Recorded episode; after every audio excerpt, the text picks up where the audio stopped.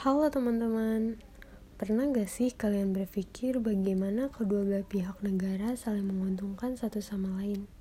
Dan bagaimana cara Indonesia bisa mendapatkan keuntungan yang sangat besar pada tahun 2018 hanya dengan bicara?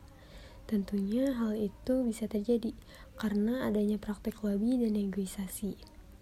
Namun, apakah itu lobby? Sederhananya bahwa lobby adalah praktik komunikasi yang bertujuan untuk mempengaruhi. Tidak hanya kamu yang melobi calon pacarmu, namun ternyata negara melakukan hal yang sama.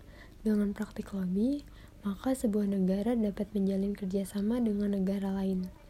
Melobi tidak jauh dengan kata negosiasi, yaitu sebuah praktik runding yang dilakukan kedua belah pihak untuk mencapai kesepakatan bersama. Negosiasi tentunya adalah bagian sangat penting karena dari sini kita bisa menentukan mana yang menguntungkan bagi pihak kita, namun tidak merugikan pihak lawan. Oleh karena itu, lobby dan negosiasi sangat erat kaitannya. Pada era kepresidenan Trump di Amerika Serikat, GSP menjadi awal ribut perang dagang antara Amerika Serikat dan Indonesia. Namun, apa itu GSP? GSP merupakan kebijakan yang diatur oleh suatu negara yang memberi pemotongan pajak impor yang umumnya dimiliki oleh negara maju seperti Amerika Serikat. Pemerintah Amerika Serikat mengevaluasi produk ekspor asal Indonesia, termasuk tekstil, plywood, kapas, dan beberapa hasil perikanan seperti udang dan kepiting.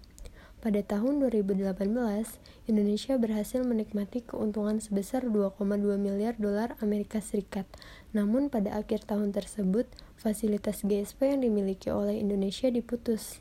Kemudian Indonesia melakukan praktik lobby dan negosiasi yang dilakukan dengan komunikasi jarak jauh dengan USTR. Namun tidak berhenti di situ. Indonesia juga melakukan pertukaran kunjungan pejabat.